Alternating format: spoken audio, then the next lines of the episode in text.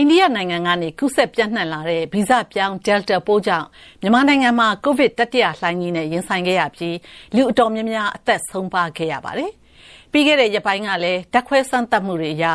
Delta ပိုးကူးစက်ခံထားရသူတွေကိုထပ်တွေ့ရတယ်လို့ဆိုပါတယ်။ဒီကြားထဲမှာပဲနောက်ထပ်ဗီဇပြောင်းပိုးတစ်မျိုးဖြစ်တဲ့ Lambda ပိုးကလည်းအာရှဘက်ကိုပြန့်လာရာကနေအိမ်နီးချင်းဘင်္ဂလားဒေ့ရှ်နိုင်ငံဆီရောက်လာနေပါပြီ။ဒီတော့ ဒီဗီဇပြောင်းပိုးတွေကဘလောက်ကြောက်စရာကောင်းပါသလဲဘယ်လိုပိုသတိထားဖို့လိုပါမလဲကိုဗစ်ကာကွယ်ဆေးတွေကရောဒီဗီဇပြောင်းပိုးတွေကိုဘလောက်ကာကွယ်နိုင်စွမ်းရှိပါသလဲဒီအကြောင်းတွေနဲ့ပတ်သက်လို့ကုဆက်ယောဂါနဲ့အမှုဇီဝဗေဒဆရာဝန်ဒေါက်တာဆွဆွထွေးက BBC ရဲ့ကျန်းမာရေးရာ Health Matters အစီအစဉ်မှာရှင်းပြပေးမှာပါကျမကတီတာနယ်ပါ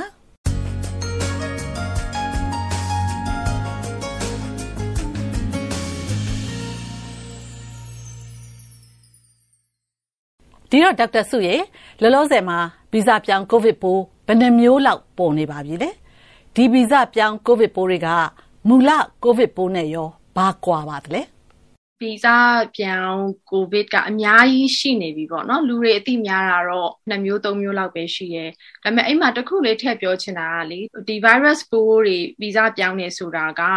တွေ့ရှိချက်အသစ်လည်းမဟုတ်ဘူး concept အသစ်လည်းမဟုတ်ဘူးဒီ covid တွေမဟုတ်ဘူး virus ပိုး တိုင်းလိုလိုကသူပွားတာများလေလေသူကဟိုငကိုမူလ virus ကနေကွဲပြားတဲ့ဟိုဗီဇပြောင်းပိုးအသစ်တွေပေါ့နော်ပေါ်လာနိုင်နေရှိရဆိုတာလက်ခံပြီးသားအစကတည်းကသိပြီးသားပေါ့နော်ဆိုတော့ဘယ်နှမျိုးရှိပြီလဲဆိုတော့အများကြီးပဲအမျိုး20လောက်ရှိပြီအမှန်တကယ်တော့လေဒါပေမဲ့ အဲ့ဒီဟာကိုအရင်မကြောက်သွားစေချင်ဘူးယောဂလက္ခဏာအရာကြည့်မယ်ဆိုရင်တော့ဘယ်ပိုးနဲ့ဘယ်ပိုးနဲ့ဆိုပြီးတော့ခွဲခြားပြီးသိမှာမဟုတ်ဘူးအားလုံးကယောဂလက္ခဏာအတူတူပဲရှိတယ်ပေါ့နော်ဥပမာပြောရလို့ရှိရင်ဖြားတယ်ချောင်းဆိုးတယ်အနံ့ပြောက်ပြောက်တယ်အသက်ရှူကျက်တယ်အဲအဆရှိသဖြင့်တော့တုပ်ကွေးလိုလက္ခဏာမျိုးတွေဖြစ်တတ်တယ်ပေါ့နော်ဒါကငကိုကိုဗစ်မူလအမျိုးအစားမှာရှိရတယ်အကုန်တူတူရဲ့ယောဂလက္ခဏာတွေကဘာကွာလဲဆိုတဲ့အခါကျတော့တချို့ဒီ concern group ထဲမှာပါတဲ့တချို့ပိုးတွေကပို့ပြီးတော့တဦးနဲ့တဦးကူးစက်မှုနှုန်းမြန်တယ်အဲနောက်တစ်ခါကျနည်းနည်းလေး လျောက်ကလက္ခဏာတူပေမဲ့သူတို့ဒီပြင်းထန်ကိုဗစ်ဖြစ်ဖို့အခွင့်အရေးပိုများတယ်ပေါ့နော်ဥပမာ alpha alpha virus မျိုးကွဲကဒီ UK နိုင်ငံမှာဒီ September 2020မှာတွေ့တဲ့ဟာပေါ့နော်အဲ့ဒါရဲ့နောက်တစ်ခု India မှာတွေ့တယ်ဒီ Delta ပေါ့ Delta က December မှာတွေ့ရ2020အဲ့ပိုးနှစ်ခုကပို့ပြီးတော့ကူးစက်မြန်တယ်နောက်တစ်ခုကကြတော့ယောဂဖြစ်လို့ရှိရင်နည်းနည်း လေးပို့ပြီးတော့တခြား beta တို့ gamma တို့နဲ့ရှင်လိုက်လို့ရှင်ယောဂလက္ခဏာနည်းနည်းလေးပိုပြင်းထန်တာကိုတွေ့ရတယ်ပေါ့နော်အာရှဘက်ကိုပြန့်လာတယ်ပေါ့လေဒီအင်္ဂလိပ်ချင်းဘင်္ဂလားဒေ့ရှ်နိုင်ငံစီကိုရောက်လာပြီးဖြစ်တဲ့ lambda ဆိုတဲ့ဒီဗီဇပြောင်းပိုးကရောဘလောက်စိုးရိမ်စရာရှိပါလဲ delta လောက်ကော तू ကပြင်းမဲ့အခြေအနေမျိုးတွေ့ရပါလား လမ်ဒကဒီ Peru မှာစပြီးတော့တွေ့တာပေါ့နော်ဒီဇင်ဘာ2020မှာစပြီးတော့တွေ့တယ်လက်ရှိ data အရဆိုလို့ရှိရင်တော့ Peru မှာတော့မှဒီ August လကုန်ထိရတဲ့ data အရဆို ရင်ဒီ lambda case တွေတော်တော်လေးကျသွားတယ်လို့ပြောတယ်ပေါ့နော်ဒီ Bangladesh မှာတွေ့ရဆိုတာကလည်း case အရေအတွက်ကအရန်နေသေးတယ်လေနော်ဆိုတော့ဒီ data လူမျိုးအရန်ကိုကူးစက်မြန်မလားယောဂပြင်းထန်မလားဆိုတာလောလောဆယ် data အရပြောလို့တော့မရသေးဘူးဒါပေမဲ့ Peru data အရဆိုလို့ရှိရင်တော့အဲ့လောက်ဒီဆိုးဆိုးဝါမဖြစ်ခဲ့ဘူးပေါ့နော်စောင့်တော့စောင့်ကြည့်အောင်ပါပေါ့ WHO ကဒီသူ့ကို variants of concern မထည့်ထားသေးဘူးလောလောဆယ်မှာဟိုဆက်ပြီးစောင့်ကြည့်ရမယ်ဆိုတဲ့ပဲထည့်ထားသေးတယ်ဆိုတော့အရန်ကြီးတော့စိုးရိမ်မှုမလွန်ကဲစေချင်ဘူးကိုဗစ်ကာကွယ်ဆေးတွေကဒီဗီဇပြောင်းအိုးတွေကိုပေါ့လေဘလောက်ထိကာကွယ်နိုင်မှာပါလဲအထူးသဖြင့်ဆိုရင်မြန်မာပြည်မှာဖြစ်နေတဲ့ဒီ Delta ပိုးကိုဒီကာကွယ်ဆေးတွေကဘလောက်ကာကွယ်နိုင်စွမ်းရှိပါလဲမြန်မာပြည်မှာထိုးတဲ့ဆေးအများစုကတော့ဒီ Sinovac, Sinopharm နောက် Russia ကလာတဲ့ CE မျိုးပေါ့နော်ဆိုတော့ငကိုရှိနေတဲ့ပိုးတွေဒီ alpha တို့ beta တို့ gamma တို့ကိုတော့တို့ကရာဂိုင်နှုန်းတော်တော်များလေးကာကွယ်နိုင်မှုရှိတယ်အထူးသဖြင့်တော့ပြင်းထန်ကိုပြီးမဖြစ်အောင်ပေါ့နော်ဒါပေမဲ့ တခုကဒီ delta ပိုးနဲ့ပတ်သက်ပြီးတော့ data အများကြီးမရှိဘူးဒီ Sinovac from uh, Sinovac ဆေးတွေနဲ့ဒီ Russia ဆေးတွေကသူတို့ဒီ trial လုပ်တဲ့အချိန်မှာပေါ့နော်ဒီ delta ပိုးကအများကြီးသူတည်တနာလုပ်တဲ့အထက်မှာမပြန့်သေးဘူးလေနော်ဆိုတဲ့အခါကျတော့ data အရန်နေတယ်ဒါပေမဲ့ဒီကမ္ဘာ့ကျန်းမာရေးအဖွဲ့ WHO ကပြောထားတဲ့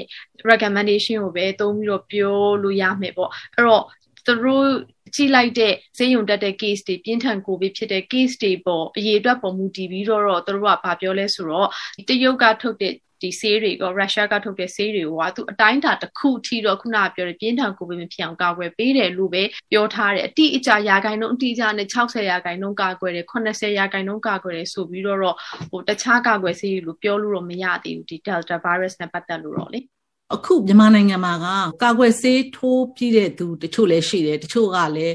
တစ်ချိန်ပဲထိုးရသေးတချို့ဆိုလို့ရှိရင်နှစ်ချိန်ထိုးပြီးသွားပြီပေါ့လေအဲ့တော့ဒီလိုကာကွယ်ဆေးနှစ်ကြိမ်ထိုးပြီးသွားပြီဆိုလို့ရှိရင်ကိုဗစ်ရောဂါဒဏ်ကိုဘလောက်ကြာကြာခံနိုင်ရည်ရှိပါလဲနောက်တစ်ခေါက်ဘယ်အချိန်လောက်ဆိုလို့ရှိရင်ထပ်ပြီးတော့ ထိုးတင်ပါတယ်လေခုလက်ရှိရှိနေတဲ့ data ကိုကိုးကားပြီးတော့ပဲပြောရမှာပေါ့နော်အဲ့တော့ဒီ completely vaccinated definition ကတော့ဟိုဆေးနှစ် dose လုံးထိုးပြီးပြီးတော့အနည်းဆုံးနှစ်ပတ်ဒုတိယ dose ကနေနှစ်ပတ်ကြာတဲ့အချိန်ပေါ့နော်အဲ့ဒါကို vaccine အပြည့် ထိုးပြီးပြီလို့သတ်မှတ်တယ်ပေါ့နော်အဲ့တော့ vaccine အပြည့်ထိုးပြီးပြီးတဲ့သူတွေကအနည်းဆုံးတော့6လလောက်အထိသူတို့တော်တော်လေးကိုဒီပြင်းထန်ကိုဗစ်မဖြစ်အောင်ကာကွယ်ပေးတယ်ဆိုတဲ့ data တွေထွက်ရှိလာပါတယ်ဒါပေမဲ့ဒီ6လ9လနောက်ပိုင်းလောက်မှာဆိုသူ antibodies လေးတွေကလေနည်းနည်းကျသွားတယ်ပေါ့နော်ကျသွားတတ်တယ်အဲ့ဒါကြောင့်မို့လို့ဒီဘက်အနောက်နိုင်ငံတွေဘက်မှာတော့ဒီ booster လို့ခေါ်တာပေါ့တတိယ dose ကိုထိုးဖို့လို့အခုစပြီးတော့ပြင်ဆင်နေကြပြီပေါ့နော်ဟိုကျမတို့ဒီမှာဒုတိယ dose ထိုးထားတာဆိုလို့ရှိရင် February March လောက်မှာပေါ့အခုသူတို့ပြန်ပြီးတော့ booster အတွက်အဲစပြီးစဉ်းစားတာကဒီလကုန်ဒီအောက်တိုဘာလောက်ကိုစပြီးတော့လောက်ထားတယ်ပေါ့နော်စီစဉ်ထားတယ်ဟုတ်အခုဒီဗီဇပြောင်းပိုးတွေဟာအမြဲပဲတစ်တစ်ပေါ်လာနေတယ်ဆိုတော့ဒီလိုမျိုးရန်ကနေပြီးတော့ကာကွယ်နိုင်ဖို့ကအကောင်းဆုံးနီလန်ကဘာပါလဲရှင်ဒီ virus ကတော့လေပွားနေမှာပဲပွားနေတဲ့အတွက်ကြောင့်သူပွားလေလေ ပိုးအသစ်တွေအများကြီးကထပ်ထွက်လာအောင်မှာပဲ6တာမဟုတ်ဘူးစိုးရင်မှုလွန်ကဲဖို့မဟုတ်ဘူးဒါပေမဲ့ဒါဒီအယူအဆတွေးရှိချက်အစ်စ်မဟုတ်ဘူးအဲ့ဒါလေးကိုတစ်ချက်ကလေးမှတ်ထားပြီးပေါ့နော်ဘာလို့ဆိုအရင်မစိုးရိမ်စေချင်ဘူးလေအဲ့တော့သူကသူဘလောက်ပဲဘာပိုးအစ်စ်တွေပဲထွက်လာ ထွက်လာအဓိကလောက်အောင်မှာကဒီပိုးအားလုံးအတွက်လောလောဆယ်အထိကမ္ဘာ့ကျန်းမာရေးအဖွဲ့ကပြောထားတာအချက်၄ချက်ပဲရှိတယ်အဲ့ဒါကဘာလဲဆိုတော့ဒီလက်ကိုတည်တည်ချာဆေးရမယ် mask တက်ရမယ်တယောက်နဲ့တယောက်နဲ့ခက်ခွာခွာနေရမယ်နောက်တစ်ခုကကျတော့ vaccine ပေါ့တတိချာချာပြင်ဆင်ထားတဲ့စနစ်တကျထိုးပေးတဲ့ဒီရှိတဲ့ကာကွယ်ဆေးကိုထိုးကြဖို့ပဲအဲ့ဒီလေးချက်ကဘယ်ပိုးခွဲလာလာ တောက်လျှောက်ကာကွယ်ရမယ့်အချက်ပဲအမှတခုပြောချင်တာက virus တွေကဘာကြောင့်အလောက်တောင်ပွားလဲဆိုတော့ pandemic ပေါ့နော်ဒီကက်ယောဂါကြာရှည်လီလီသူတို့ကပွားဖို့အခွင့်အလမ်းများလီလီပဲအဲ့တော့ကက်ယောဂါကြီးမကြာရှည်အောင်ကလူတယောက်ထဲမှာမဟုတ်ဘူးအားလုံးအားလုံးမှာတာဝန်ရှိတယ်ပေါ့နော်အဲ့တော့ကက်ယောဂါမြ мян တိုးအောင်မြ мян ပြီးအောင်လူအားလုံးကခုနပြောတဲ့အချက်လေးချက်ကိုလုပ်မယ်ဆိုလို့ရှိရင်ကက်ယောဂါမြ мян တိုးမယ်အဲ့ဆိုဒီ virus ပိုးတွေကလည်းပဲပွားဖို့အခွင့် လည်းမရှိရင်မျိုးကွဲလည်းကြောက်စရာမလိုဘူးပေါ့ကိုဗစ်ယောဂါကတုတ်ကွေးကာကွယ်ဆေးလိုပဲနှစ်တိုင်းလိုလိုထိုးရမယ်သဘောပါလား လေအဲ့လိုသဘောဖြစ်နေတာပေါ့နော်အခုကခုနပြောသလို pandemic ကအခုနှစ်နှစ်နီးပါးရှိတော့မယ်ပေါ့နော်တစ်နှစ်ခွဲကြော်ကြော်လောက်အခြေအနေမှာရှိပြီဆိုတော့ဒီလွန်ခဲ့တဲ့တစ်နှစ်နဲ့ရှင်းလိုက်လို့ရှိရင်တော့အများကြီးတိလာတာပေါ့အဲ့လိုတိလာလို့လေခုနပြောတဲ့ booster ဆိုတဲ့ဟာလေးက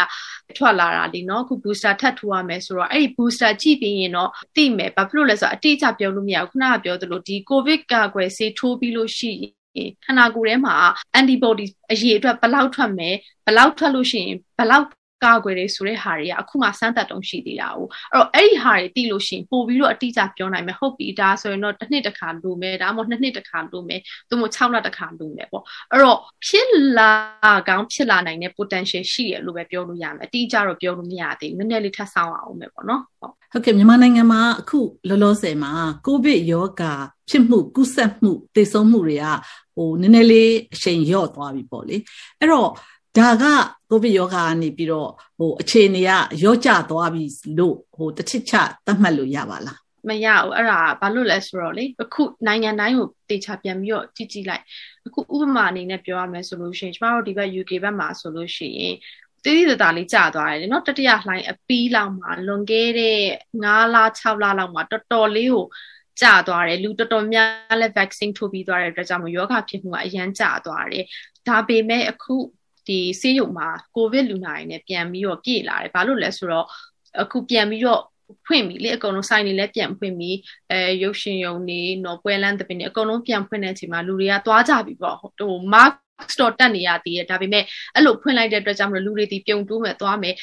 ဆိုတော့အခု case တွေကပြန်တက်လာတယ်ဘာလို့တက်လဲဆိုတော့အဓိကကတော့ဒီ vaccine ကာကွယ်ဆေးမထိုးထားတဲ့သူတွေမှာအဖြစ်များတာပေါ့ဖြစ်ဖြစ်လာတာပေါ့နော်အဲ့တော့အခါခုနောက်တ wave လို့ပြောလို့တော့မရသေးဘူးဒါပေမဲ့အဲ့လိုဖြစ်ဖို့တာဆူနေတဲ့အတိုင်းတာရှိရဲ့အဲ့တော့ ယောဂ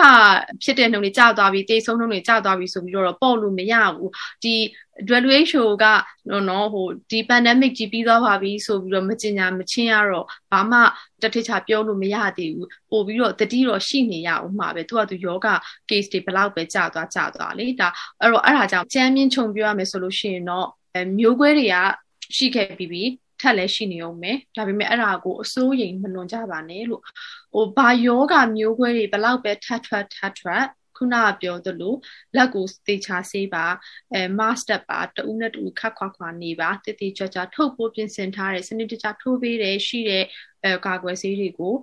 အဓိကထားပြီးတော့ထိုးကြပါပေါ့နော်အဲ့လိုမျိုးပဲတိုက်တွန်းလို့ရမယ်သူကသူဘာယောဂပိုးတွေဘယ်လောက်ပဲထွက်ထွက်အဲ့လေးခုကတော့ပြေးမလို့အမြဲတမ်းအဲကျင့်သုံးရမယ်အချက်တွေဖြစ်ပါတယ်လို့ UK နိုင်ငံကကုသယောဂနဲ့အမှုဇီဝဗေဒဆရာဝန်ဒေါက်တာဆုစုထွေးရှင်းပြပေးခဲ့တာပါ BBC ကထုတ်လွှင့်နေတဲ့ကျန်းမာရေးရာ Health Matters အစီအစဉ်တွေကို BBC Burmese ရဲ့ Facebook နဲ့ YouTube တွေမှာဝင်ကြည့်နိုင်ကြပါတယ်ရှင်။